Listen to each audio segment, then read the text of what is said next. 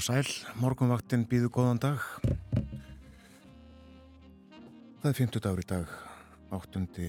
februar, klukkunum 8.9 minútur í sjö. Eldgós er hafið á Reykjaneskaga.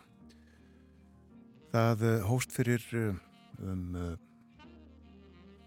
hvað, 50 mínútum eitthvað svo leiðis. Rétt upp á klukkan 6. Rétt upp á klukkan 6, já. Og uh, það uh, gís í Sundnúks gigaröðinni þar sem að uh, gaus í januar síðastlinum utan varnargarðana sem að umlíkja Grindavíkur bæ og uh, restir voru í plíti. Nú, uh, fyrirvarin var skammur, jarðskjálta virknin varð tölverð þegar klukkan var 20 minútur gengin í 6 og Gósið hóst um 40 mínutum síðar, já, rétt upp úr klukkan 6 og við sjáum á vefmyndavélum að sprungan er bísna lung. Erfitt reyndar að átta sig á þeim myndum sem að líka fyrir akkurat núna en myndavélar eru komnar á stað eða má nálgast myndir úr þeim á vefokkarúf.is til að mynda og ymsar upplýsingar, það er raunar litlu upplýsingar sem að nú þegar líka fyrir. En uh, gósmökkurinn sést vel frá höfuborgarsvæðinu, uh, reykur stígur hátt til heimins og uh, hann er rauður að neðan, rauður bjarmi úr sprungunni sjálfri um leikurinn að neðanverðu. Já, það hefur svo sem ekki, ekki margt komið fram enn sem komið er en þó talið að þetta sé á svipun slóðum og, og síðast en, en nú væntanlega fer þyrla að hefja sig á loft með vísindamenn og, og aðra til að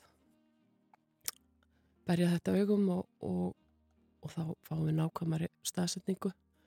En það er talið að mista kosti með að við frittir að þetta sé að, að þetta sé norðar eða það er talað um að, að þetta sé ekki minna en, en síðast en að en að sprungan sé mögulega lengjast í norður. Og það þýðir í áttina frá Grindavík. En allt saman er þetta í aðtugun bara akkurat á þessari stundu. Og þetta er í samræmi við það sem að uh, búist var við og uh, gögn viðstofunar hafa sínt og viðstofan vakið aðtikli á síðustu daga og fái vikur. Þetta gerist mjög hratt er haft eftir Benedikt Ófegsinni, uh, jarðaðilisfræðingi á viðstofunni hjá okkur á vefnum. Og hann bæti við að það hafi verið vara við þessu já í nýjasta hættumatti viðstofunar og uh, þá sérstaklega vara við því að fyrirvari á næsta gósi geti orðið minni en klukkutími. Mm. og svo var raunin í þessu tilviki. Og uh, við uh, höfum upplýsingar um það að aðtapnarsvæði Bláa Lónsins er mannlaust rýmt þar sent í nótt og snemma í morgun og það var vegna jarðskjálta sem að mældust og fundust í nótt. Það var engin inn í Grindavík er sagt en, en það, það þurfti að rýma lókunarposta þar sem viðbræðsæðila voru og þeir voru allir allir fluttir á brott eða bennir um að hafa sig á brott. Þegar þetta hófst en við vekjum kannski aðtekla því að, að fréttastofa rúf vil gerðnar fá myndir myndskeið tengt elgósunum frá lesendum vefsins og netfangið er fréttir at rúf.is Víkurfréttir eru með útsendingu beina eh, með eh, myndaveli Reykjanesbæ og eh, á hennum á sjá að sprungan er bísnalung sérst þarna yfir Reykjanesbæ ljósin í bænum og svo elds umbrotin og þessi mikil reykur sérst vel í bjarmanum af eldinum.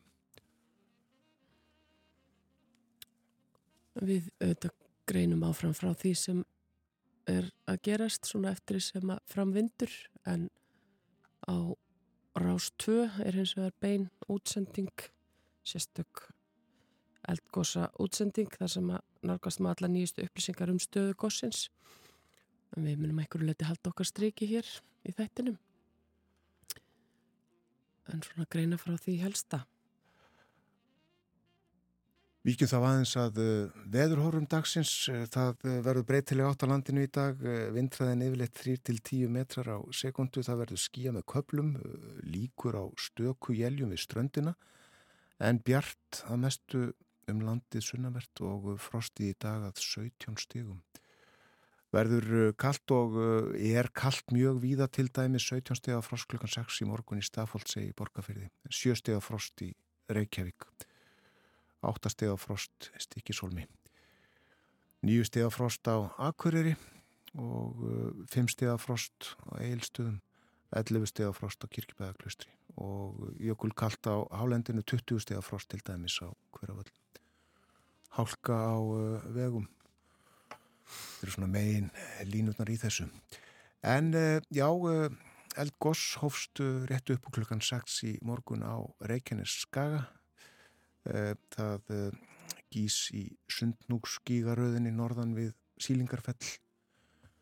Og eh, það er á þeim slóðum þar sem að góðs í janúar. Þetta er sjötta gósið á Reykjaneskaðanum í þessari hrínu núna sem staðið hefur í nokkur ár. Já, sem að hófst 19. mars 2021 þegar góðs við Faradalsfjall, svo var það Meradalir í ágúst 22 og júli 2023 hófst eldgós við Littlarút og svo var það 18. desember í fyrra sem að hófst eldgós við Sundnúkskíga og það var öflugt gós, fjóra kilómetra lang sprunga en það er dætt virknin fljótt niður og, og góðsnu lög 21. desember en svo var það 14. januar sem að aftur hófst eldgós og þá tvær sprungur og það gós tók með sér þrjú hús í Grindavík og nú er aftur hafið gós 8. februar 2024 Og uh, ný tilkynning frá veðurstofunni ljúma svo klukkan 5.30 í morgun hófst áköf smáskjálta virkni norðaustan við sílingarfell um 30 mínútum síðar hófst eldgós á sömurslóðum Á þessu stíi er ekki vitað hversu laung sprungan er sem gís á en fyrstu mínútunar virðist hún vera að lengjast bæði til söðus og norðus. Á þessu stíi er ekki ljóst í hvaða átt raunrennur helst en eh, nánari upplýsingar munu berast úr eftirlitsflugi landhelgiskeslunar. Við fáum uh, fréttir frá fréttastofinni eftir uh, um það byrj mínútu þar sem að uh, fari verður nánar yfir þetta allt saman, uh, allt tekið saman sem uh, vitað er og uh, við fylgjumst með þessu á morgumaktinni í dag. En það var sannsagt rétt uppur klukkan 6 fyrir rétt tæpri klukkustund sem að eldgós hófst á Reykjanes Skaga, norðaustan við Sílingarfell.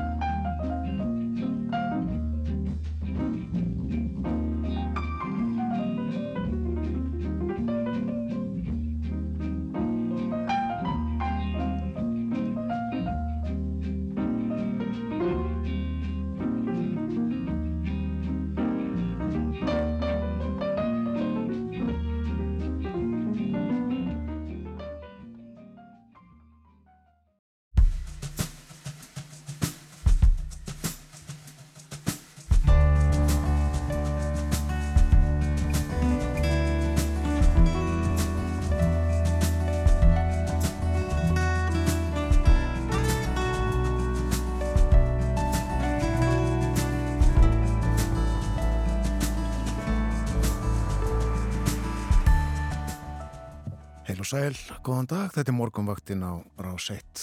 Klukka núna 14 mínútur gengin í átta. Umsjóna með þáttarins Björn Þór Sigbjörnsson og Eirún Magnús Dóttir. Við fylgjum með eh, eldgósinu vitaskuld í þættinum í dag. Tók að gjósa fyrir um 70 eh, mínútum.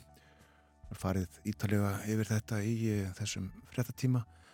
En þyrla landhelgiskeslunar hefur flóið yfir gós stöðvarnar og uh, tíðindi frá vísindamönnum um borð þau að uh, sprungan er um 30 km laung, hún liggur frá Sundnúk í suðri til austurenda stóra skókfells og raun rennur mest megnist til vestus á þessu stíi og uh, það má sjá myndir sem teknar voru úr þyrlunni á rúf.is og þar eru líka útsendingar vefmyndavéla uh, ég held að það séu einar fjórar þannig að fólk getur glöggvað sig vel á þessu.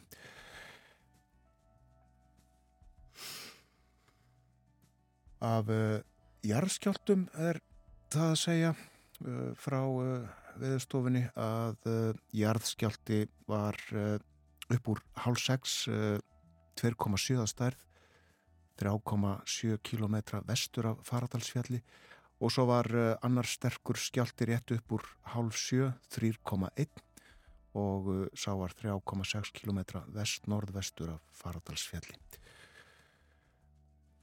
Já, ítalega var farið yfir uh, það sem vitað er í fréttatímanum áðan, ímsar upplýsingar að finna á vefnum okkar úr.is, við fáum svo frétta yfirlitt hálf átta og ítalegar fréttir klukkan átta. Og svo eins og getur var um í fréttunum hér á þann þá verður sjómansfréttatími hjá okkur í Ríkisjónvarpinu klukka nýju og uh, það má líka uh, nálgast uh, útsendingar úr veðmyndavélunum á uh, RÚF 2 í sjónvarpinu. Hugum þá aðeins að uh, öðrum aðstæðum í landinu í dag. Já, veðurhórunum erun, hvernig eru þær?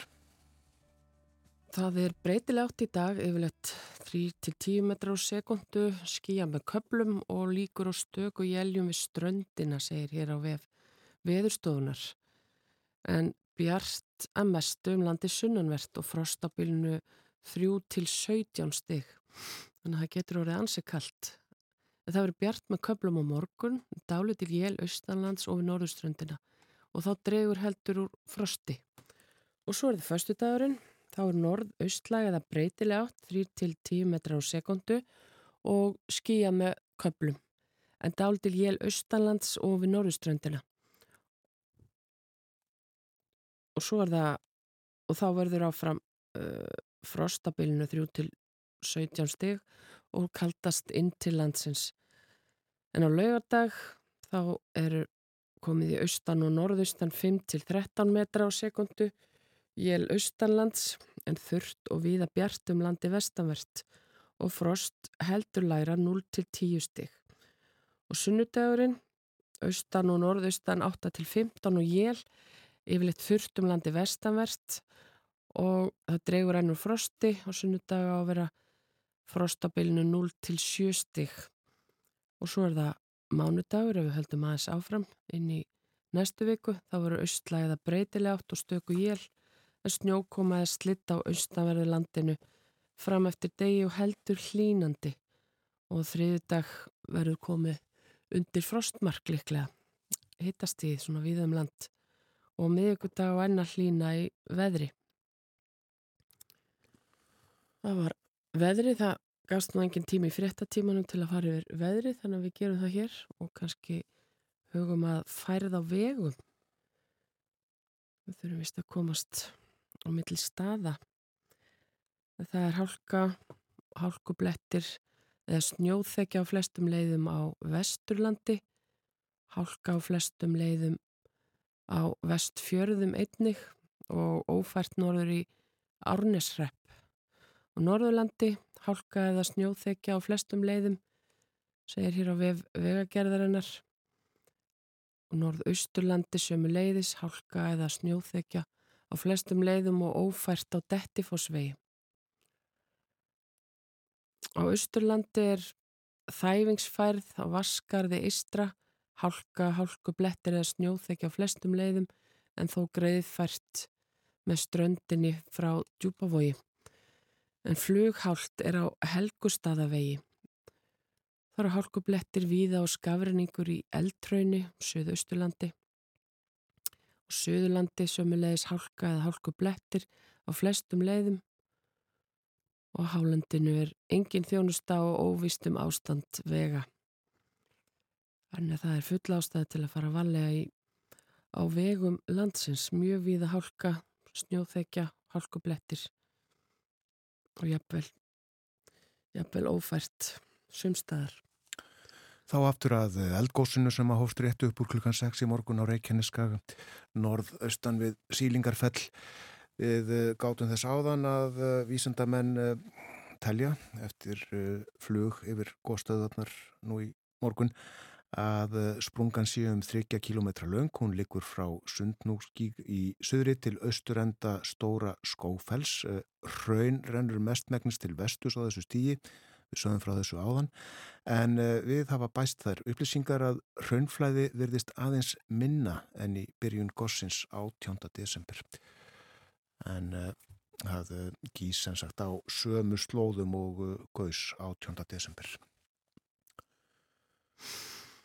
og áframverður fylst með þessu. Við eigum vona að búa ágúsinni til okkar. Við ætlum að ræða um Erlend málefni hér milli hálf átta og átta. Og ætlunin er að tala um meðal annars loftrýmis eftirlit normanna, líka vendingar í stjórnmálunum á Norður Írlandi og svo ætlum við að tala um kostningar hér og þar í heiminum, þá ekki síst síðar umferð fósettakostningana í Finnlandi sem að framfæra á sunnundag, kosið á milli þeirra tveggja sem að efstir voru í fyrir umferð um daginn Bói verður hér eftir frettaði litið hálf átta. Við ætlum líka að tala svolítið um íþróttir og einnig um Hannes Hafstein, fyrsta ráþæra okkar Íslandinga.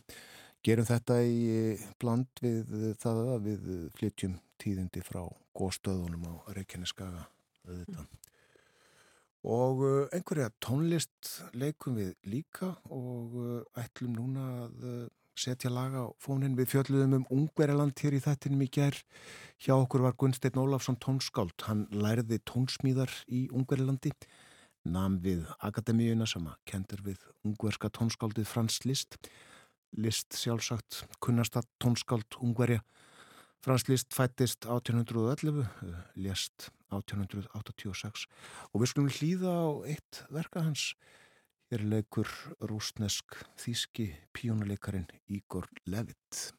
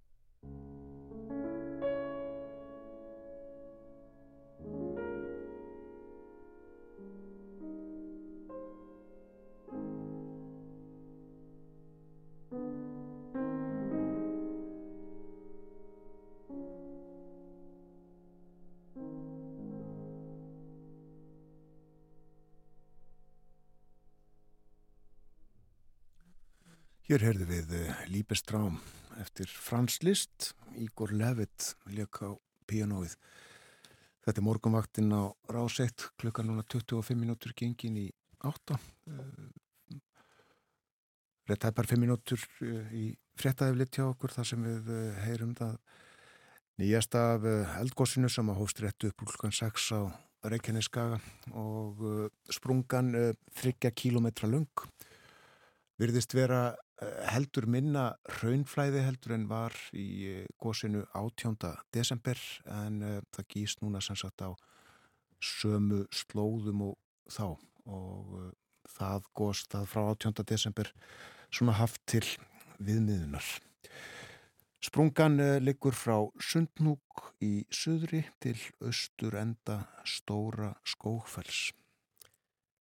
Ég var að prófa að setja þetta eins í samengi þessa lengt sprungunar og ef að við förum eftir kringlumýrabrautinni frá ef við erum stödd svona cirka bát hér í út á sósunu og förum út á bústæðaveg, út á kringlumýrabraut og keirum alveg alla leið út að sæbraut og það er svona cirka lengtin á þessari sprungu. Þannig að þetta er Þetta er ansi, ansi löng viðalengt, þrýr kílometrar. Og eh, eins og við höfum nefnt og eh, nefnum menn fyrir fólk sem var að vakna og eh, kveikja á viðtækjunum að uh, þá má sjá ymsa uh, myndir, myndefni á vefnum okkar rú.is, uh, bæði má sjá útsendingar vefmyndavela, þær eru fjórar held ég, fjórar eða fimm og einnig má sjá myndskeið úr þyrlu. Flói var þyrlu yfir uh, góðstöðarnar núna fyrr í morgun og uh, komið myndefni úr því flugi inn á vefin okkar. Þar getur fólk glöggvað sig vel á þessu. En uh, umsjónumenn morgunvaktarinnar í dag eru Björn Þó Sigbjörnsson og Eirún Magnúsdóttir. Bói Ágússon bætist í hópin hér eftir frettaði vilitið sem að kemur eftir stuttastund. Við kemum aðtegli á því fáum svo ítalega frettir klukkan átta og minnum á að það verður sjómansfrettatími klukkan nýju.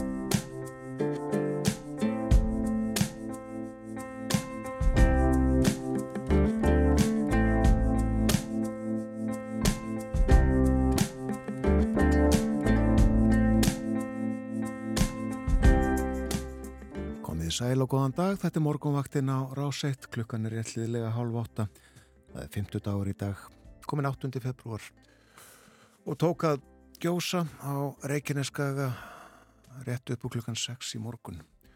Og eins og við höfum nefnt og framkom hér áðan í frettæðiflitinu þá er uh, sprungan um 30 km lang Eirún, þú fóst uh, yfir þá uh, vegalengt hér áðan, þetta er, já, kringlumýrabrautin frá uh, um það byrj kringlunni og uh, niður að sjó Já. í Reykjavík. Og meira sér þurftum við að fara örlítið lengra út í sjó. Já, Já uh, þrýr kilometrar sprungan likur frá Sundnung í söðri til austurenda Stóra Skófells raun rennur mestmægnis til vestus og það lítur út fyrir að raunflæðið sé aðeins minna heldur en í byrjun gossins 18. desember það er haft til viðmiðunar því uh, það gís á uh, samastað sömu slóðum og uh, gauðs 18. desember og er upplýsingar voru að berast að gósstrókarnir þeir ná um 50 til 80 metra hæð og gósmökkurinn hann stýgur upp í um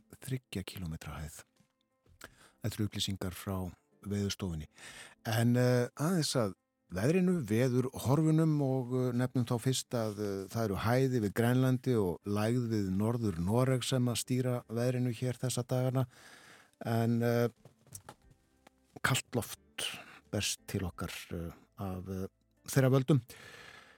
Vindur verður fremur hægur á landinu í dag. Það verður yfirleitt létt skíðað um landið sunnanvert en skíðað með köplum og líkur á stöku jæljum við ströndina. Og frosti í dag að 17 stegum kaldast inn til landsins. Þryggjastega frost þar sem að frosti verður minnst og uh, það verður áfram á morgun hægur vindur uh, bjart með köplum, dáli til jél austan til á landinu og við norðurströndina og það dregur heldur úr frostinu. Nú, uh, það er hálka á vegum, uh, sumstaðar þæfingur, flestir vegir færir, ófært þó norður í Árnesrepp og uh, Dettifossvegur, einnig ófær lokaður, hann er það uh, yfirleitt svona um háveturinn er ekki röttur og það er gaggrína talsmenn fyrirtækja í ferðarþjónustu eins og við þekkjum. Og breytalseiði og uh, þeir vegir líka ófarir en sem sagt hægt að komast innan sveita og milli hér aða meiraða minna í dag Nú þá komin til okkar bói Ágússon sestur við heimsklöggan heil og sæl, góðan dag bói Góðan dag Við verðum auðvitað með annað eigað á eldgóðsinu á Reykjaneska. Jú, jú. Þegar við lítum út um glugga, ekki kannski beint heimsgluggan, hér í eftir litinu og þá blasir eldgóðsið við. Akkurat. Og færum fréttir af gangi mála eftir því sem þær verast en fjöllum um erlendmálefni hér næstu mínutur. Já. Þó snertir það innlendmálefni og raunar þetta svæði sem er svo mjög tilumræði núna Reykjanesið því að við ætlum að fjalla þessum loftrýmiskeslu norska flughessins frá keflaugurflugvilli og það er væntanlegt að uh, normenn upplifi þá þetta eins og allir aðrir ferðamenn. Ég sá á, á vefríkisútarsins að það gekk vel að rýma bláalónið.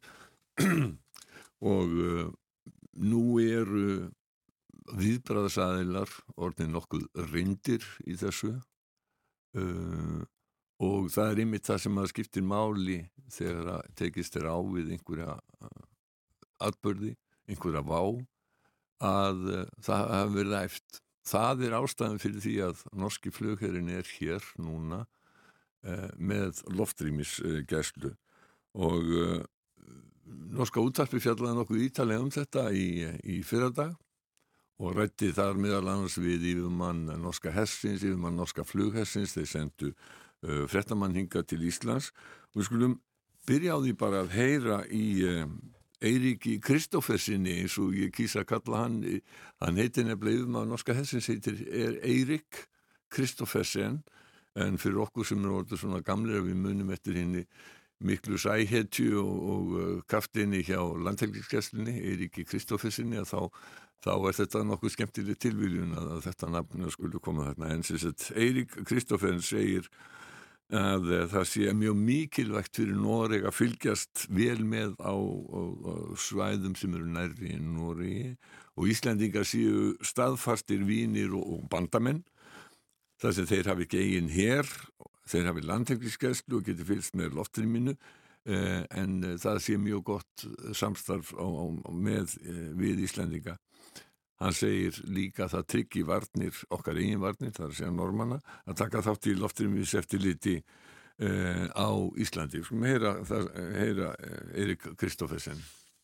Det, det, er jo viktig for Norge at vi har god kontroll på sikkerheten i våre nærområder. Og Island er jo sånn sett en, en lang og trofast og viktig alliert for oss. Altså har ikke Island sitt eget forsvar. De har kystvakt, de har uh, luftovervåkning og noen sånne kapasiteter, men de har ikke et eget forsvar. Så da har vi et veldig godt samarbeid med Island, uh, som gjør at vi tar vare på vår egen sikkerhet, også gjennom å delta i air policing, som det heter, på Island.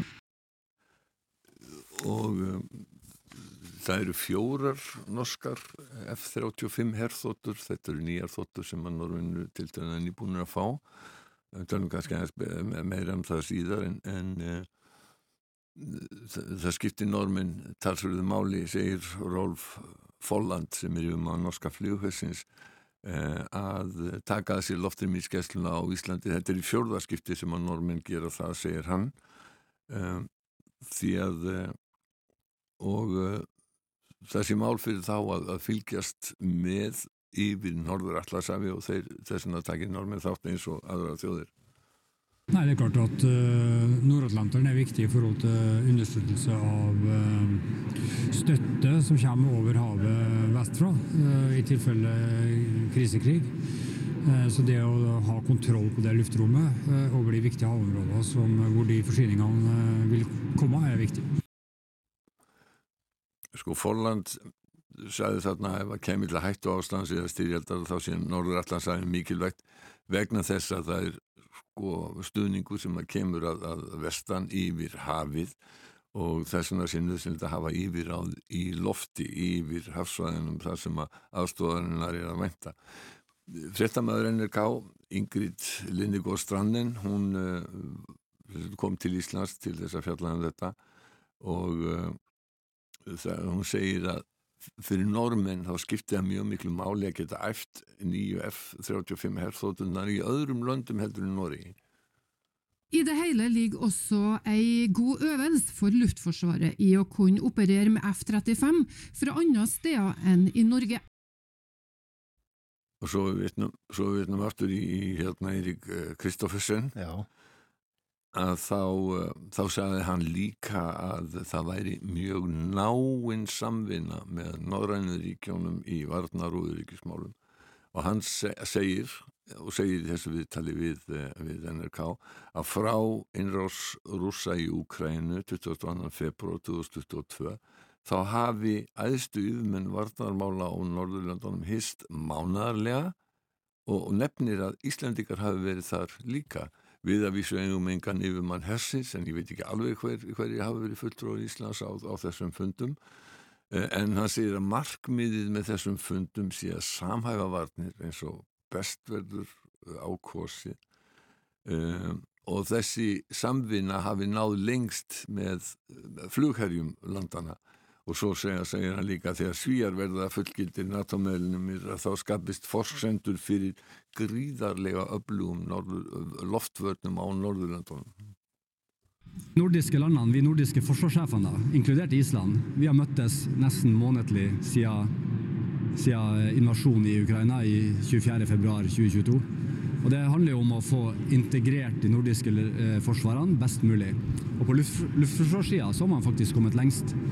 Og det er klart med, Når Sverige endelig blir bekreftet som medlem av Nato, så er det kun muligheter for å bygge et veldig sterkt luftforsvar. Et formidabelt luftforsvar i, i Norden samlet sett. Eirikur Kristófersson, hinn norski. Já. Er norski herrin öflugur? Norski herrin er öflugur og uh, norski flugherrin uh, er það og samanlagt eru flugherrin Norðurlandana uh, mjög öflugir og uh, það er sem sagt greinilegt að það er mjög mikil samvinna og náinn og, og vaksandi samvinna uh, flugherja þessara fjöguralanda en eins og Kristoffersen sagði að, að þá verður þetta þegar að svíjar eru komin inn að þá getur þetta orðið formlegra og, og hérna uh, heldur en það er núna en jável þó að svíjar síðu það er ekki inni þá, þá, er, þá er þetta mikil samvinna og, og svíjar og finnar hafa tekið þátt í finnar er náttúrulega lótnin að tóð núna svíjar hafa tekið jafn mikið þátt í heramingum í norður Noregi og uh, norski flugherrin ekki bara er að efa á Ísland og lenda hér, hann fer líka til Finnlands og Svíþjóðar og uh, það er sko Þessir eh, flugherrir munu ráða samtals yfir 250 uh, nýtísku herþótum uh, og eru núna að endur nýja herflugflota sinn. Þeir eru að fá F-35 bandarískar orustu þóttu sem eru það fullkomnasta af þessum herrtækjum sem til er Uh, normenn og danir voru áður með F-16 uh, herþóttur og þeir eru að skipta þeim út og, og, og sumar af þeim fara til Úkrænu uh, dansku herþótturnar allavega. Þeir hafa vísu sko Dag Henriksen sem er professor við háskóla um, Norska Hessins og raunar ofust í Norska Flughernum hann, hann var búin að lagði fyrir svona nok fyrir nokkur árum fram hugmyndur um þetta nána samstarf og það er í rauninni að uh, raun gerast eins og fólk segir nú til dags þetta, þetta, þetta samstarf. Hann sem sagt lagði til það er að vísu ekki komin upp það sem hann lagði til einn samileg stjórnstöð en hver veit hvað, hvað gerist í framtíðinni. Mm. þetta er náttúrulega eins og Kristófinn sagði í þessu viðtali þetta samstarfið var svona miklu nánara eftir innrás og rússa í mm. Ukrænu og það er náttúrulega ljóst hvað er hvaðtinn af þessu samstarfi það er hræðslan við rússa og það að vera viðbúnir því að mæta hverju ógn sem möguleg er frá, frá, frá, frá Rúslandi. Hann nefndi hérna mánadarlega fundi já. Það já, er, og já. það er meira en áður var. Já, já, já, þetta, þetta þeir hafa heilt, sagðan svona, já, um það byrja einu svona mánuði frá innrásinni mm.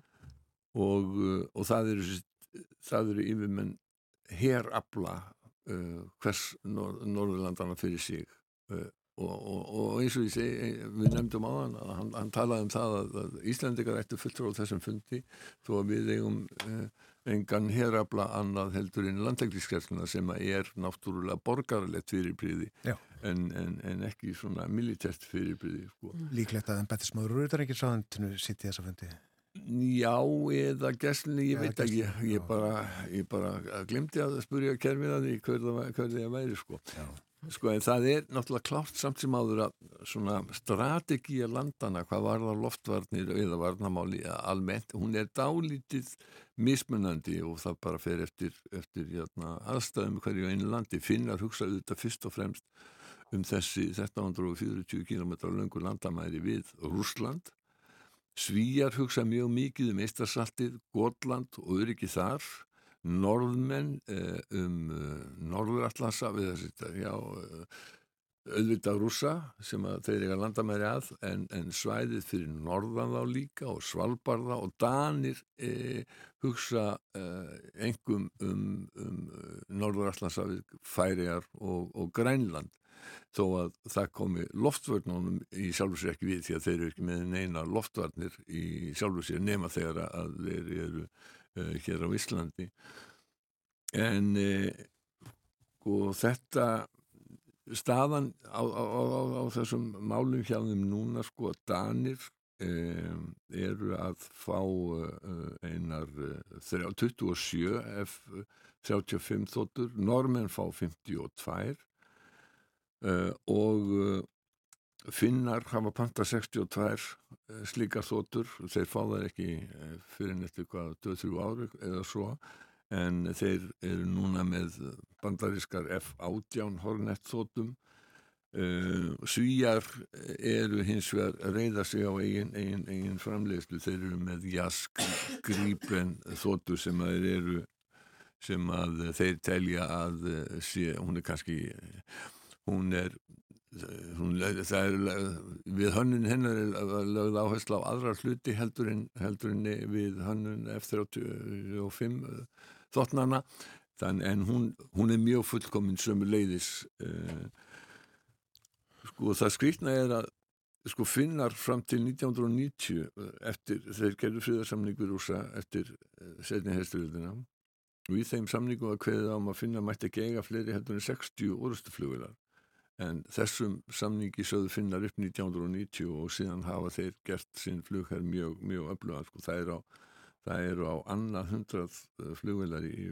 finska uh, flugfrótan og þeir hafa eins og ég segi panta 60, yfir 60 F-35 þóttur þannig að samtals ráðar Norðurlöndin svo ég endur takkið sjálf að mig um 250 mjög fullkomnum uh, herþóttum og eins og, og Kristoffersen saði það er sko formidabel uh, flug uh, loft loftvarnir fyrir Norðurlandin og uh, þannig að uh, þeim er mjög í mun að tryggja líka yfiráðin ekki bara yfir Norrlöndunum, heldur yfir Norður allarsaminu líka. Já. Og þar koma fleiri NATO þjóðurinn eh, auðvitað. Herna gagna eðnaðurinn í heiminum uh, í, í blóma því miður, uh, Já. þannig er ástandið í heiminum. Já, já, það, það, það, menn, það, þegar ógnin er slík eins og hún hefur verið frá Rúslandi sem að ræðst með, með hérna, inn í, inn í grannríki,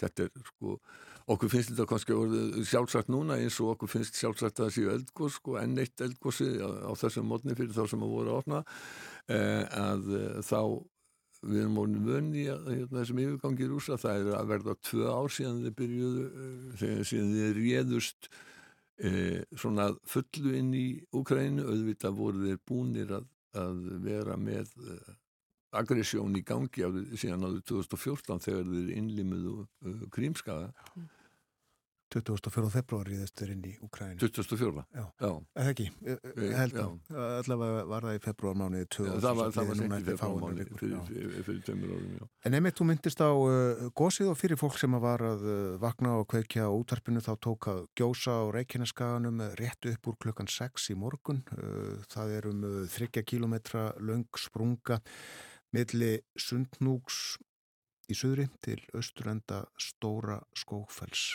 og uh, raun virðist rennaða mestu til vestus. Raunflæði virðist heldur minna en í byrjun gossins 18. desember við það er miðað vegna þess að uh, það gís á sama stað og þá. Og uh, svo heyrðum við áðan að gósstrókarnir ná upp í, ég held að 80 metra hæð, gósmökkurinn stígur upp í um 30 kilometra hæð og hann sést víða að rauðleitur uh, vitaskuld uh, en uh, bói við ætlum að tala líka aðeins um Norður Írland. Það eru vendingar í stjórnmálunum þar núna nýverið. Jú, það er, við getum sagt að í þessum heimi það sem er alltaf lítið af jákvæðan fréttum og þá er það þó jákvætt að uh, þar hefur tekist samkomulega um það að heimaminn takja aftur við stjórninni og það er komið ný stjórn á Norður Írlandi eftir rúmlega tveggja ára hlýje þegar, þegar allt fór í uh, uh, vaskinn út af því að uh, mótmælendur eða er að DUP eh, sem er helsti flokkur eh, mótmælda á Norðurlandi sætti sig ekki við það að ja, sætti sig ekki við eh, ákvæði í Brexit samningnum og hvernig þau voru framkvæmd tolla eftirlit inn til Norður Írlands og uh, þess vegna bara fóru þeir í fílu og sögðu við tökum ekki þátt í þessu uh, meir. Núna hefur hins vegar og það verður að segja bresku stjórnin til Rós að hún þó að sé nóg af öðrum vandamálum sem að Rissi Súnek og stjórn hans hafi að glíma við að þá hafa þeir svona hægt og rólega unnið að því að koma á samkómalægi á Norðurílandi og það hefur uh, tekist núna þannig að það er aftur komin stjórn uh, heimamanna þar og, og það var náttúrulega ljóst uh, eftir, eftir kostningar fyrir tveimur árum, tæp- tæpum tveimur árum að, að uh, ef að stjórn kemist aftur á þar þá er það í fyrsta skipti sem að katholikar eða þjóðurnisinnar eða líðveldisinnar eru í fórustu þar. Þannig að fyrstir ráþur að Norður Írlands núna er, eh, er, er Michelle O'Neill sem að eh, er, er leitói þeirra þar. Það eru tvær konur sem að veita sín fein helsta flokki líðveldi sinna fórustu á Írlandi Michelle O'Neill á, á Norður-Írlandi og svo Mary Lou MacDonald sem er uh, formaður flokksins á öllu Írlandi. Og uh, það vil svo til að uh, staðgengil fyrsta ráð þeirra hvað var að segja, annar ráð þeirra sem er fóringi mótmælanda það er líka kona á tiltölu ung kona á, á 50 aldri eins og Michelle O'Neill Uh, hún heitir Emma Little Pengelly þessar konur sem eru í fórust á Norður Írlandi núna eiga það samil þær koma úr mjög rótækum fjölskyldum. Pappi Emmu Little Pengelly var satt í fangelsi fyrir hemdaverk og uh, hann var einn af helstu leiðtóum svo uh, svona hersveita mótmælanda, ólöglegra á meðan að, að fjölskylda uh, Missile O'Neill var uh, mjög innblönduð inn í, inn í IRA sem að barðist skerulega baróttu og hendaverka baróttu gegn breskum yfiráðum árum saman Já. en um, þannig að þessar konur koma úr mjög rótækum hópum en það var mjög ánægilegt að heyra ávörp þeirra þegar að nýja stjórnin tók við og þingið Stormótt hóf aftur störf að þær voru töluð mjög, á mjög jákvæðum nótum. Eina feilnótan kannski sem að var slegin þar var Melluk MacDonald leitói sinn feina á Ílandi því að hún sagði að nú sæði hún fyrir sér að sæði hún fyrir sér samin að Írland innan tíu, innan, já, innan áratugs.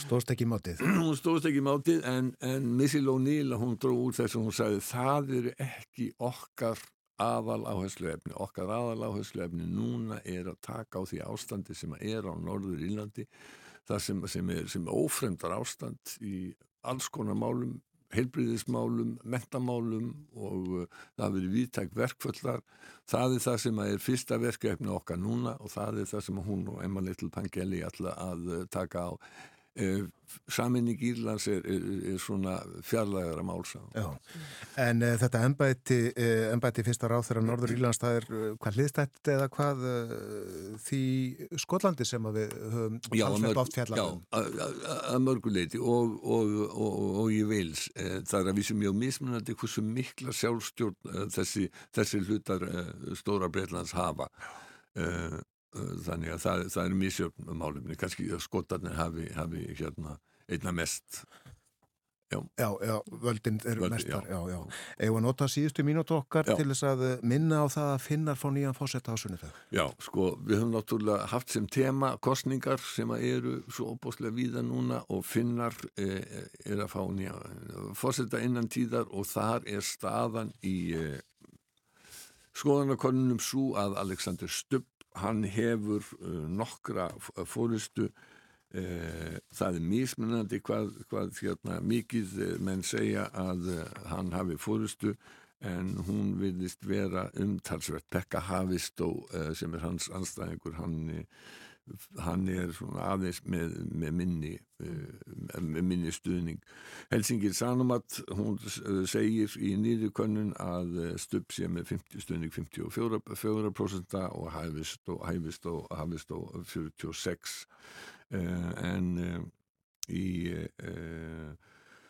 annari skoðanakonun sem gerð var fyrir stöð 2 í Finnlandi að þá var munurinn 57 á móti 43 þannig að virðist vera sem að stupp hafi umtalsveit meiri stuðninga en þetta kemur allt, allt, allt saman í ljós. Um, við höfum ekki tíma til þess að minnast á kostningar í El Salvador, Azerbaijan uh, frestum kostninga í Senegal en allt þetta er þess virði að við eigðum tíma til en náttúrulega núna verðum að munið til eldgósi á Reykjaneskaga. Já, og uh, fáum ítalega samantækt uh, frá fréttastofunni hér eftir fjóra minútur í fréttonum. Takk fyrir í dag, bói.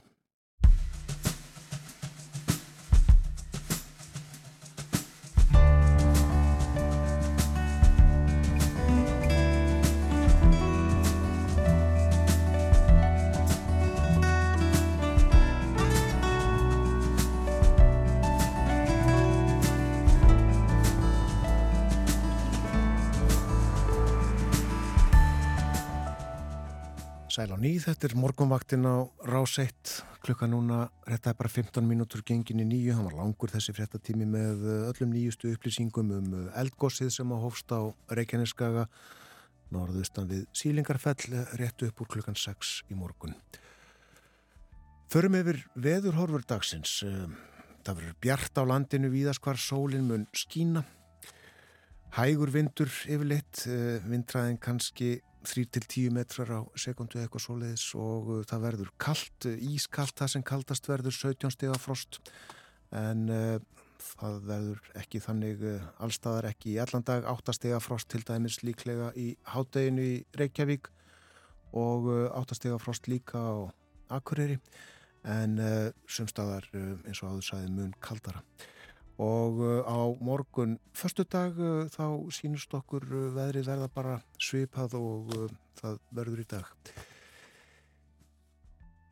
Já, við hefum fylgst með gósinu og gerum það auðvitað áfram hér á morgunvaktinni en spjöllum líka um eitt og annað fleira, Eirún.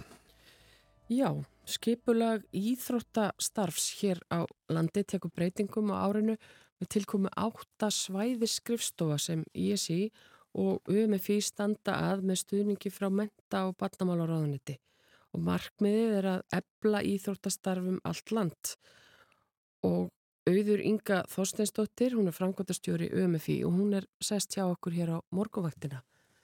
Velkomin til okkar. Takk fyrir. Það er íþróttastarf, þetta heilmikið starf um land allt, einhver hundruð félög og, og líklega einhverju týjir þúsunda yðgenda. Hvað gerir svona svæði skrifstofur til að ebla þetta starf?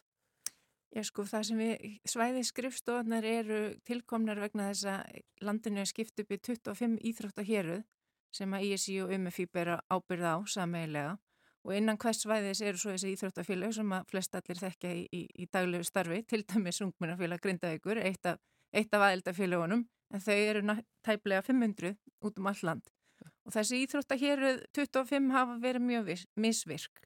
Og í mörg ár hefur við líka uh, þessi tvö landsamtöku ISI og UMFI við eigum, erum hérna tveir af eigandum íslenskar getspár. Þannig að við hefum dreift út argreislum frá, frá lottóinu til okkar aðeldafélaga og það er svona ímislegt sem kemur heim og saman í þessum nýju tillögum núna uh, varðandi þetta en það er ákveðin svona bandormur sem leysist það er búið að vera deilur um lottóði í 25-30 ár við erum búin að horfa til þess að íþrótta hér að stíið hjá okkur hefur Eh, verið misvirt, á sumum mm. stöðum hefur verið gríðarlega góð starfsemi með, með starfsmönnum og öðrum stöðum hefur ekki verið neinn starfsemi mm. og við hefum bara séð það að með þetta fyrirkomulag þá náum við ekki þjónusta öll börnum út um allt land og tillögurnar svona svolítið miða að því að um, skerpa fókus, ganga í takt og ná því að við þjónustum öll börn alveg sama hvort það er heim í hafnafyrði eða kópaskeri. Ja. Þannig að hérna Þannig að þetta svona kemur saman, heim og saman í þessum tillögum um svæðiskrifstofunar og, og við sáum það að við getum ekki gert þetta einn íþróttarhefingin, þar sé ég sí og MFI. Mm. Uh, þannig að fyrst lág fyrir að ná samkólalagi innan hrefingar sem að tókst og, og, og tókst eila með, með hérna, yfirburðar niðurstöðu og þegar það lág fyrir þá fórum við í sameilegi viðraðir við batna á mentamáluröðundi og þar var okkur mjög vel tekið og, og fyrir likur að fjármögnun er til staðar og, hérna nú er hægt að fara að stað. Já, og þetta eru 400 miljónir sem fara í þetta verkefni á næstu tveimur árum ef ég skil rétt. Hvernig er staðið að þessari að fjármögnun á þessu? Já, það er 400 miljónir á næstu tveimur árum sem koma frá ráðunitinu uh, og hins vegar koma líka fjármögnir frá þá ISI og UMFI frá lottónu þannig að heilta fjármögni er, er, hérna, er tölvert í umfanginu. Þannig að hérna, já, þetta er stórt verkefni en það er líka alveg gríðarlega tækifæri til þess að ganga í takt og til þess að ná markmiðum. Auðvitað við með sér markmiði í, bundin í samlingi við, við ráðneti og hérna þau kannski snúa uh, fyrst og fremst að þremur áherslu þáttum fyrir utan það auðvitað við viljum ebla íþróttahérun og, og þjónustunum við félagin og gera sjálfbóðleganum þar að leiðandi út í félagunum auðveldara að, að starfa. Að, að þá eru, þá eru svona þrjú sértæk markmiði í samningnum hérna, eða þrýr markkópar sem á að ná til.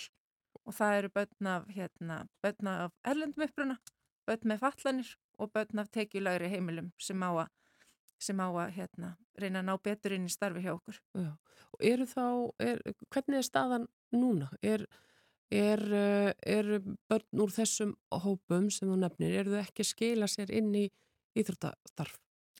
E, því miður er það svo að þau eru hérna, vissulega til staðar í íþróttastarfi en þau eru alls, alls ekki á sama, hérna, í sumu fjöldatölum eins og mm. hérna, bett sem tilhera ekki þessum hópum og við ISI og MFI hefum í mörg ár gert könnun sem heitir ánægivógin og þannig að við eigum samanbyrjatölur aftur í tíman og bara til dæmis með hópun bönn af erlendum uppruna þá er þáttaka þeirra verulega miklu lagri í skipulögu íþróttastarfi.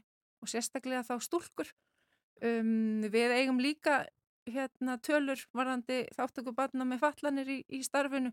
Og erum nú reyndar líka í samstarfi ISI og UMFI og í þrjóttsamband fallara með sérstakt átagsverkefni sem myndir allir með þannig að við, við horfum til þess að þetta getur nú svolítið gengið í takt líka og stutt við hvort annað. Þannig að þær tölur eru eiginlega sláanlega slæmar uh, á þann veg hversu ég ætla ekki að segja mörg eiginlega hversu fábögn taka þátt í Já. okkar skipliða starfi. Þannig að það þarf vissulega að hérna vissulega að bæta stöðuna þar. Já.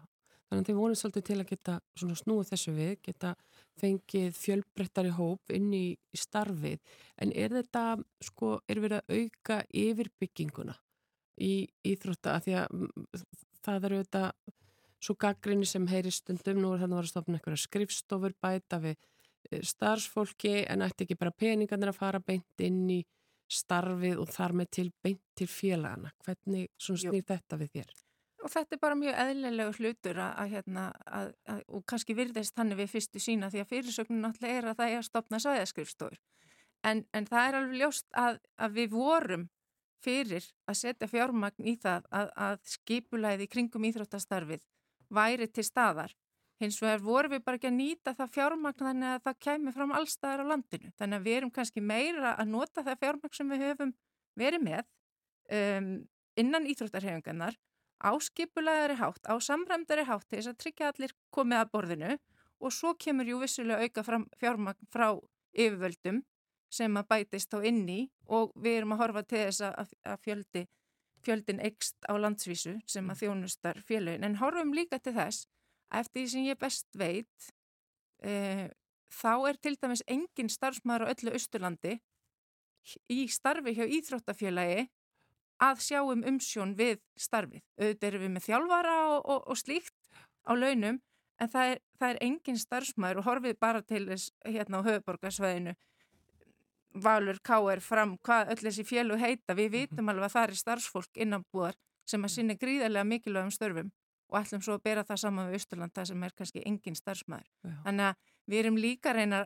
að hérna, létta undir þannig að, að starfseminn geti gengi betur fyrir sig. Já og líka þannig, svo ég komið því nú að við höfum í Íþróttarhefingunum verið að fá fullt að kröfur á okkur á undanfjöldum árum bara síðasta raunverulegir eigendur uh, sakavottor það er ímis, ímislegt sem hefur komið á hreyfinguna á síðustu árum sem við viljum fá inn í hreyfinguna Já. en við verðum að geta brúðist einhvern veginn við því á annan hátteldur en að segja að gera svo vel sjálfbúðalegar Já, það er ekki endalust að þetta keira allt á sjálfbóðlum þó þau, þeir séu sjálfsögðu mjög mikilvægir. Þeir eru, þeir eru undirstaðan, þeir eru forsendan en við verðum að hafa baklandi og stuðningin þess að þeir geti hlaupið. Já, og þarna fá kannski dreifðari byggðir auki bakland? E, alveg, alveg, alveg klártmál og samræmdara bakland og Já. við erum líka horfað til þess að Íþróttarhefingin í heilsinni með þessum áttastarfstöðum e, geti unni betur saman á landsvísu því við höfum verið að gera góða hluti en svolítið sitt í korhóttni. Já, um, það e,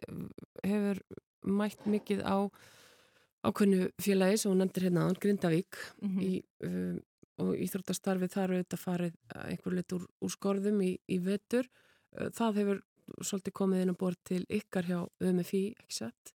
Jú, Ungmennafélag Grindavíkur er eitt af okkar aðeldafélagum þannig að, að hérna vissulega höfum við ekki farið varhluta af, af þeim áskorunum sem þeir eru í og, og nú í morgun plásturinn rifin af ein, eina ferðina þannig að Þannig að hérna, jú við höfum verið í samskiptum með þau og, og það sem er einmitt kannski um, svona erfitt í, í þeirri stöðu að akkurat þegar þessi, þessi, þessar hörmungar rinja yfir þá er það félag framkvæmdastjóralust. Ja. Þannig að það lendi ennþá meira á sjálfbáðaliðanum í, í því tilfelli en, en, en hérna, núna er komið til starfa frábær Lalli Þorlefur, framkvæmdastjóri. Þannig að ég er alveg vissum að það er nóg að gera hjá honum svo sem í dag eins og undarfarna daga og, og hérna.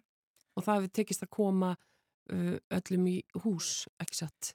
Jú, það er að komast hérna svona fast form á skipulaðar æfingar hjá félaginu, það hefur vissulega reynd á að koma púslinu saman en, en hérna þetta er allt saman að hafast og, og hérna og gríðarlega flotti sjálfbúðarlegar og starfsfólk félagsins sem hefur komið að því þannig að hérna ég held að við erum að gefa svona sjátátt á, á þá sjálfbúðarlega sem hafa staðið í, í gríðarlegu starfi á sama tíma þau eru sjálfa að díla sínar eigin aðstæður. Já verandi íbúar náttúrulega í Grindavík.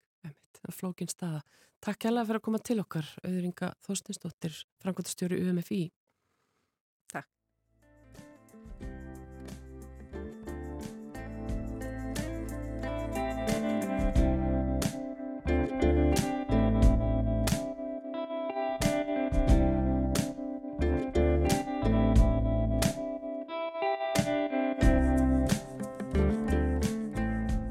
Það líður að fréttaefliti hjá okkur hér á morgunvaktinni kemur eftir 5 minútur. Þar heyrir við uh, það nýjasta af uh, eldgósinu á Reykjaneskaga.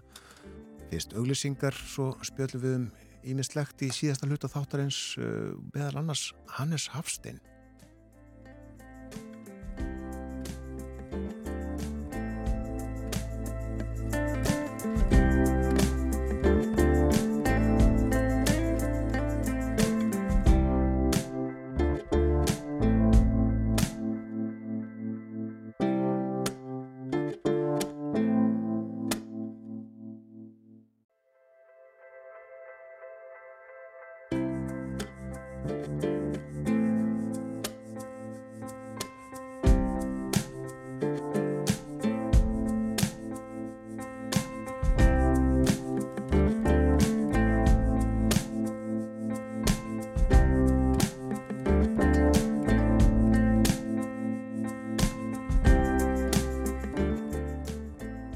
Aftur, þetta er morgunvaktin á rás 1, klukkan réttliðlega hálf nýju. Það er 50 dagur í dag, 8. februar og hefur nú gósið á Reykjaneskaganum síðan rétt rúmlega 6 í morgun. Og fyrir fólk sem að eh, misti að því áðan að eh, þá verður sjómasfréttatími klukkan nýju. Það sem að eh, við fáum allar nýjustu upplýsingar og myndir tekna bæði af jörðu niðri og eins úr þyrlu flói var yfir góðstöðvarnar snemma í morgun. Já, það tók að gjósa rétt upp úr klukkan 6 og uh, góðsmökkurinn sjálfur uh, nær uh, hátt hátt upp í um þryggja kilometra hæð og góðstrókarnir kannski í 80 metra, eitthvað svo leiðis. Raun rennur til vestus og uh, raunflæði virðist aðeins minna eh, en í byrjun gossins 18. desember það gýst núna á uh, sama stað og uh, gaus 18. desember það goss stóð í 2,5 sólaring og ekki ólíklegt að þetta goss var í ámótalangan tíma kannski aðeins lengur. Ég sá vanga veldur Þorvald og Þorvaldssonar eldfjallafræðings þess efnis á vefnum okkar rúf.is en um, mér langar að geta þess að á dagskrá alþingis í dag eru tvö mál sem að varða Grindavík, annars vegar er það framlenging á tímabundnum stuðningi til greiðslu launa vegna náttúrulega hann fara í Grindavíkubæ og svo er það nýtt mál fjármálráþara um tímabundin rekstrar stuðning vegna ástandsins. Og málefni Grindavíkur líka á dagskrá umhverfis og samgöngunemdar sem að fundar klukka nýju í dag eh, staðan rætt eh, gestur koma fyrir nefndina, ég hef ekki frekari upplýsingar um hvað nákvæmlega verður rætt eða, eða hvaða gestur koma fyrir umhverfis og samgöngunemd en þessi fundur á að hefast klukka nýju í dag Nú að uh, veðurhorfum dagsins það verður breytileg átt, uh, vindræðin kannski að 10 metrum á sekundu, uh, víðabjart, skýja þó með köplum líkur á stöku jæljum við ströndina og frostið að 17 stígum. Á morgun dregur heldur úr frosti, það verður áfram bjart með köplum en við búið að, að snjói aðeins austalands og einni kannski við nordströndina og um uh, helgina austan og norðaustan átt á lögadaginn 5-13 uh, metrar jél austanlands en þurft og víða bjart um landið vestanvert og frostið að 10 stugum á sunnudag uh, austan og norðaustan 8-15 aðeins kvassar á sunnudag heldurinn á lögadag jél yfirleitt þurft um landið vestanvert og frostið á sunnudag að 7 stugum dregur sérsagt aðeins úr frostinu næstu daga og uh, á þriðudag uh, þá verður hitin um eða rétt undir frostmarki. Nó um þetta. Hér í síðustu viku þá töluðum við um heimastjórnatíman en Ísland, Íslandingar, við fengum heimastjórn 1. februar 1904 og Hannes Hafstein varð ráþöra, varð ráþöra Íslands. Gunnar Þó Bjarnason, sakfræðingu var hjá okkur uh, á femtudaginn í síðustu viku, þann 1. Uh, februar og við reviðum upp þetta tímabil í Íslandssögunni og uh, við uh, höldum áfram að uh, tala um þennan tíma en þó engum Hannes Hafstein. Til okkar er komin Ragnhildur Jóna Jónsdóttir, hún er stofnandi Hannesar Holtz. Hannesar Holt er menningarsetur við grundastig í Reykjavík, starrakt í húsi sem að Hannes byggði eða let byggja á sínum tíma. Góðan dag og velkomin í þáttinn Ragnhildur Jóna. Takk fyrir. Þú hefur mikinn áhuga á Hannesi Hafstein Já. og uh, veist ímislegt um hann. Mm. Segð okkur uh, hvernig þessi áhuga er til komin? Þetta er nú eiginlega nánast tilviljun en eitthvað skrifað í skíin. Uh, þegar ég var þryggjára gömul þá voru foreldra mínir og amma að, að byggja hús og, og móðubróðir í Grænli 22 og þau, þau seldu kjallaran og keiftu bát sem í Tannis Hafstein. Að við komum til pappa og spurðum hvort hann væri til í þetta. Pappi var svona aðtapnastrákur úr sveitinni og hann hafði nú alltaf að selja kjallaran til að klára húsið en hann var til í þetta. Þar byrjaði útgerðasaga fjölskyldunar ég var alltaf bara þryggjárað þannig að ég myndi þetta ekki nákvæmlega svona. En einhvern veginn uh, uh, plantaðist saga af Hannes í, í, í mitt sinni eða mitt hjarta. Um, þegar ég er átt ára gömul að þá uh, átti ég mjög eftirminnilegan dag. Ég fekk að vinna með fullortna fólkinu um borði í bát sem í Hannes Jafstein. Nei, nei, nei, fyrir ekki Magnús Fjörði, það var næsti bátur. Hannes Jafstein var orðin ónundur og ég var að mála með riðmálingu á þylfærinu svona menju og búinlega sterklíkt og ég var, fann rosalega til minn, ég bara, ég held ég að lappa eins og sjóari, sko. Já. Og svo var ég upp í stýrishúsi á Ava og þar sé ég Kíki sem er mestur Hannes Hafstein. Og ég ferði auðvitað að spyrja Ava mennum þetta og ég man ekkert hvað hann sagði. En það skiptir ekki máli. En nú spólum við aftur til 2007 og þá komum við inn í þetta stórmerkilega hús. Mér fallegra heldur en flest gömul hús sem maður hefur séð en það var nánast að verða ónýtt og þá bara fekk ég eitthvað, eitthvað, eitthvað svona, eh, það gerir stundum, þá fekk ég bara svona eins og bara svona höggi í hjartað. Og það kom bara einhvern veginn bítun og við er engin að passa húsið hans hans aðstöð og uh, manni finnst alls konar og maður bara heldur áfram með lífið. En á þessum augnablíki í mínu lífi gati ég stíðinn og bjarga þessu húsi vegna þess að ég hafi fengið arf úr þessu fyrirtæki sem var selt 44 ára gammalt Já, já, já Þannig að auðvitað var ástæða fyrir því að við vorum á leiðinin í þetta hús. Uh, við vorum ekkert endilega að fara að kaupa það. Uh, en um, við hjónum vorum svolítið upptökin að því hérna 2007, þú mannst hvernig var þá. Við vorum svolítið upptökin að því að við værum búin að týna okkur. Við værum búin að gleima hver við erum íslningar.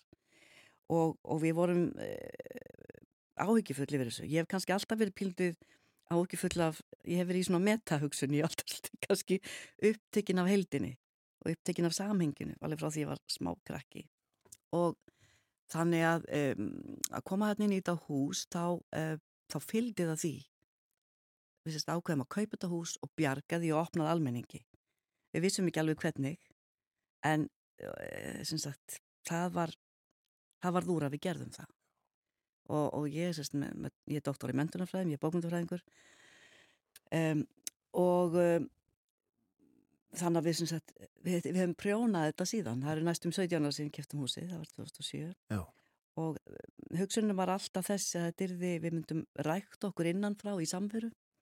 Uh, baðstofan er farin og við erum öll farin inn í litla kassa fyrir saman tölviskjái og þess vegna byggðum við Hljóðberg tónlistasalinn við hliðin á húsinu og um, já þannig að þetta er svona og Hannesarholt er í rauninni það er nú bæði, ég, það sem ég er mjög stolt af en það er líka vandi okkar. Hannesarholt er ekki eins og neinanum stopnun að því litið þetta er þetta er kannski, þetta er ekki eitthvað eitt sem hægt er að skilgreina og setja í kassa heldur er þetta svo margt. Þetta er ekki sapn, þetta er ekki bókasapn þetta er ekki tónleikahöll þetta er ekki veitingastadur þetta er ekki félagsheimili þetta er þetta allt Þetta er eitthvað pínlítið að þessu öllu saman. Pínlítið að þessu öllu saman. Já. En fannst þér við þá uh, ekki hafa uh, eh, synd minningu Hannesar uh, nægilega virðingu eða ræktað hana nógu vel? Ég var ekkit upptekinn af því þá. Nei. En ekki að segja þetta hafi næstuði verið svona blind date og ég hef kynst Hannesi síðan. og reyndar, uh, hann heitlar mig alltaf meir og meira um, sko manneskjan og eila batnið Hannes Hafstein. Við fórum auðvitað hjóna að lesa um hann og ég tengdi strax við batnið Hannes Hafstein, ekki mannin í fínfötunum og, og það, við, við erum svo heppin held ég auðvitað íslensk þjóð búin að eiga ótrúlegt líf. Og maður, maður undrast alltaf bara við höfum lífað af hérna í þessari túndru mm -hmm. og þessum erfileikum en kannski lán okkar er það að Hannes er svolítið réttum aðra og réttum tíma fyrir okkur. Um, hann er uh, hann er einhvern veginn þannig innréttaður hann er, hann kemur á ennbætsmannastjætt hefur samt upplifað ímislegt á sinni uh, bassæfi um, en hann er mjög upptekinn af jafnræði og, og, og jafnrétti bæði eh, bæði efnaðslegu og líka millir kynjana og hann er framsýn, hann, hann er mannréttinda sinni og hvernréttinda sinni sem var ekki dalgengt á þessum tíma. Þannig að hann um leið og hann kemst til um, auðvitað ástæðan fyrir hann verður á þeirra en ekki einhver annar hluta til kannski svo að hann þekkir Georg, Georg Brandes. Og hann kynist honum skilst mér þannig, ég, ég veit að var ekki þarna en Hefur lesið. Ólíinn sagði mér. Já. Hann kynist honum þannig hann bara reynilega eh, bankar heima hjá honum og kynni sig. Já. og þeir verða vinnir og hann verður nefnandi hans út í Kveipmannhöf en Hannes einhvern veginn hefur þessa heilbrigðu uh, heilbrigðu viðhorf og þannig að hann um leið og hann verður á þeirra hann, hann, hefst, hann brettur í bermar og byrjar að, að, að byggja inn við því hér gríð og erg og í rauninni gera okkur uh, í stakkbúins að geta orðið sjálfstæð. Það var auðvitað mikið framfara skeið á Íslandi þarna rétt upp úr 1900 og hann þá réttur maður á réttum stað á réttum tíma. Já, já. Og það eru erlendir peningar sem að hafa komið inn þannig að það er eh, hægt að gera eitthvað. Já. Og um, Guðmundur Haldansson hefur bent á þetta. Hannes kannski var ekki endilega á þeim buksum vettum að sjálfstæð strax en hann vildi byggja grunninn til þess að við gætum orðið það. Einmitt, uh, þú talar um barnið Hannes, Hannes uh, fættist og bjó á Möðruvöllum í Eifirði. Möðruvöllum, já. Og hvernig barn heldur að Hannes hafi verið? Sko það, það, er, það er ótrúlega mikið dýrmæti sem fælst í brefum Hannesar og mömmans. Það er til mikið brefum, þau voru helstu stuðningsmenn hvors annars og það er mjög mikil aldursmjönum millir Hannesar og pappa, Hannesar, nei millir mömmu Hannesar og pappa en, en Hannes um, er elsta barn mömmunar en þau eru perluvinir og, og þau eiga ótrúlega svona ja, eh, svo mikil fjársjóður sem fælst í þeirra. Þannig að maður kynnist þeim svolítið mikið gegnum þessi bref Já.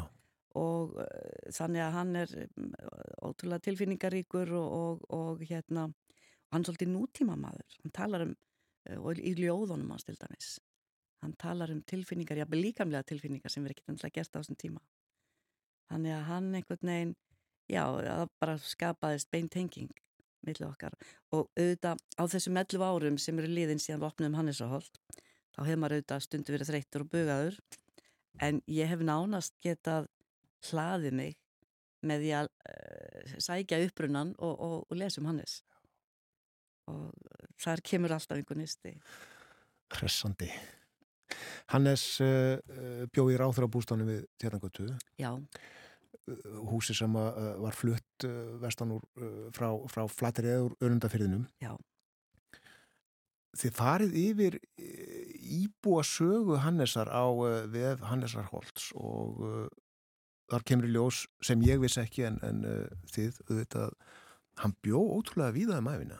Já, hann bjó mjög víða og hann Hann bjó, víst, uh, segir sagan, hann býr sjö síðustu æfi árun þarna í Hannesólti, eða það hérna alltaf bara grundast í tíu þá. Já. en hérna, um, hann bjó vist hvergi lengur en þarna. Um, þannig að, og hann byggir þetta hús, hann er á 55 ára gammal, ekkill með áttaböðn, búin að fá heila blóðfallinsinni. Og hann er bankastjóra á þessum tíma, þannig að hann hefur fjárráð. Og um, bygging húsins eh, vill hann til að það er semst að hann býri í tjarnagötu átta uh, kirkustræti átta fyrir geðu og um, það er brunið hann í miðbænum við Östuföllin og uh, hann er vappandi út í alla nóttina Ég held hann hafi vilja koma börnunum sínum í skjól því hann, yngsta barni þegar konans degir 1913, það er yngsta barni hálsás. Þannig að yngsta barni þarna er tveggja hálsás. Uh, og uh, ég held hann hafi vilja koma börnunum sínum í skjól. Uh, því að mánuð eftir hann að bruna leggur hann fram teknikarhúsinu og byrjum að fá byggja eins brunahelt hús eins og frekast jönd. Og þau eru, eru flutt inn í oktober. Þetta er fimm mánuðir. Segða tók að reysa húsið. Svo tók að reysa húsið. Og hann, hann kaupi lóðina sagt, eh, í, í mæ sækir hann um að byggja húsið. Í uh, júni kaupir hann lóðina af litlu grund á þingásæti 27 setnum sumari selur hann borginni ræmu af lóðinni sinni fyrir göttuna skálholtstík og svo bara flytjaði inn í oktober og fjórða desember heldur hann upp ámáli sitt búið að hengja upp myndir og fánað upp um veggi. og af því að í húsinu eru svo fallegir listar í, í loftónum Við veitum nákvæmlega hvað hann stóð af því það er ekki eins eh, listar í neinum tveimur herbergjum. en hann stóð þar sem að píanóð er núna í, ve í veitingastofu hann er svolít. Já, stóðan, já. Já, já það tók fimm mánu að uh, reysa þetta hús á sín tíma 1920 já. og uh, 1915, 1915 segju. Já, já. Það er ótrúlega að heyra það. Já. Hann lést 1922. Uh, hvað uh, var svo í húsinu? Veistu það þarna fram til fram á þessa já. þegar þið eignist það? Húsið er íbúðarhúsi hérna 92 ár en, og, og það bygguð hérna á bylunu 1 til 28 manns. Einn gömul kona í kringum 90. Andrea Helgadóttir.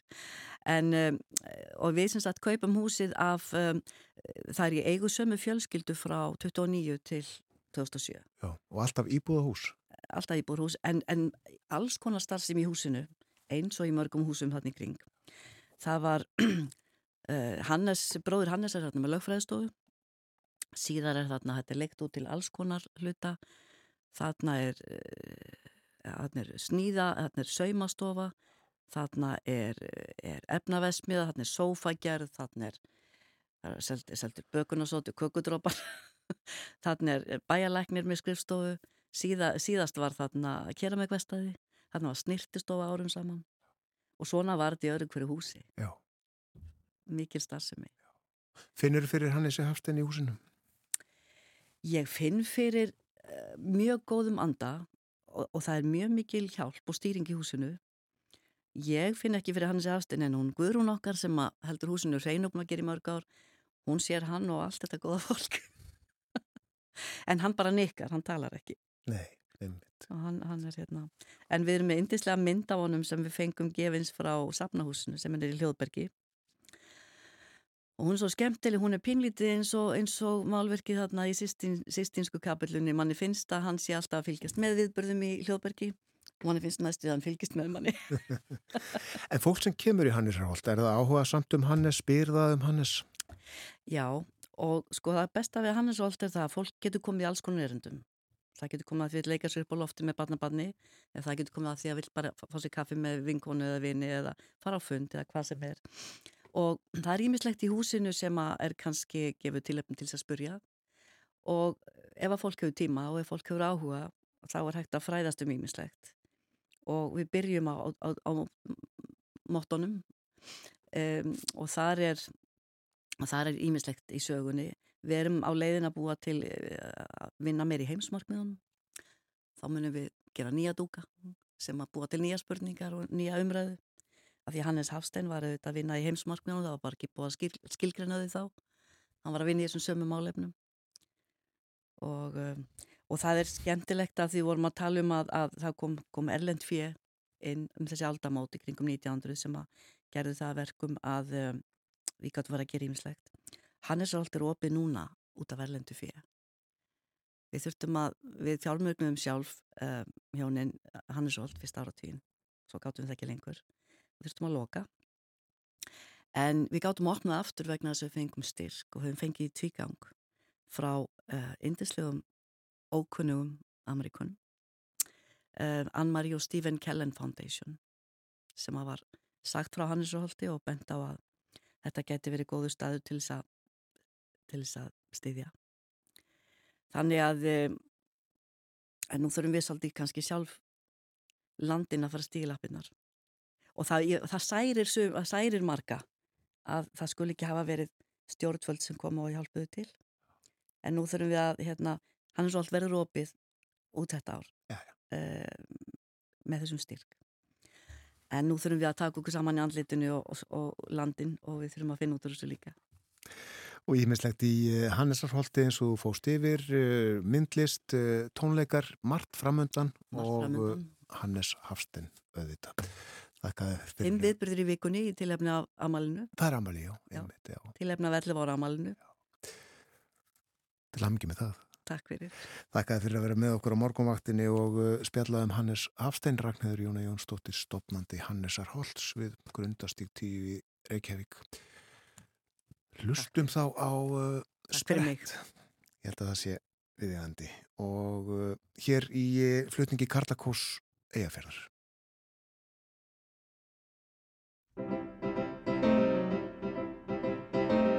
Ég besta váki frá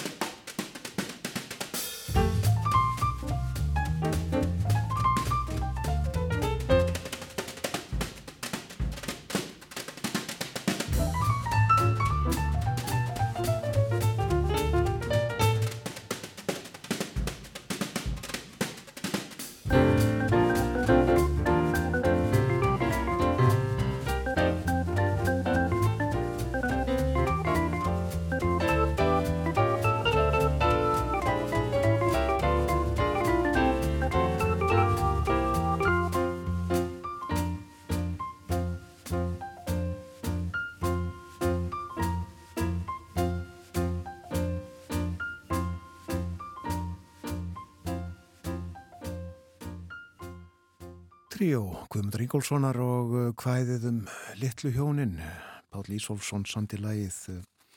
Hér var ekki sungið um þau litlu gunnu og litla jón. Það er komið að loku morgumvaktarinnar í dag, framöndan eru frettir í útvarpi auðvitað klukka nýju og þá líka í sjónvarpi allt það nýjast um eldgossið á Reykjaneskaga sem hófs klukkan 6 í morgun. Verðið sæl, við takkum samfélgina, njótið dagsins.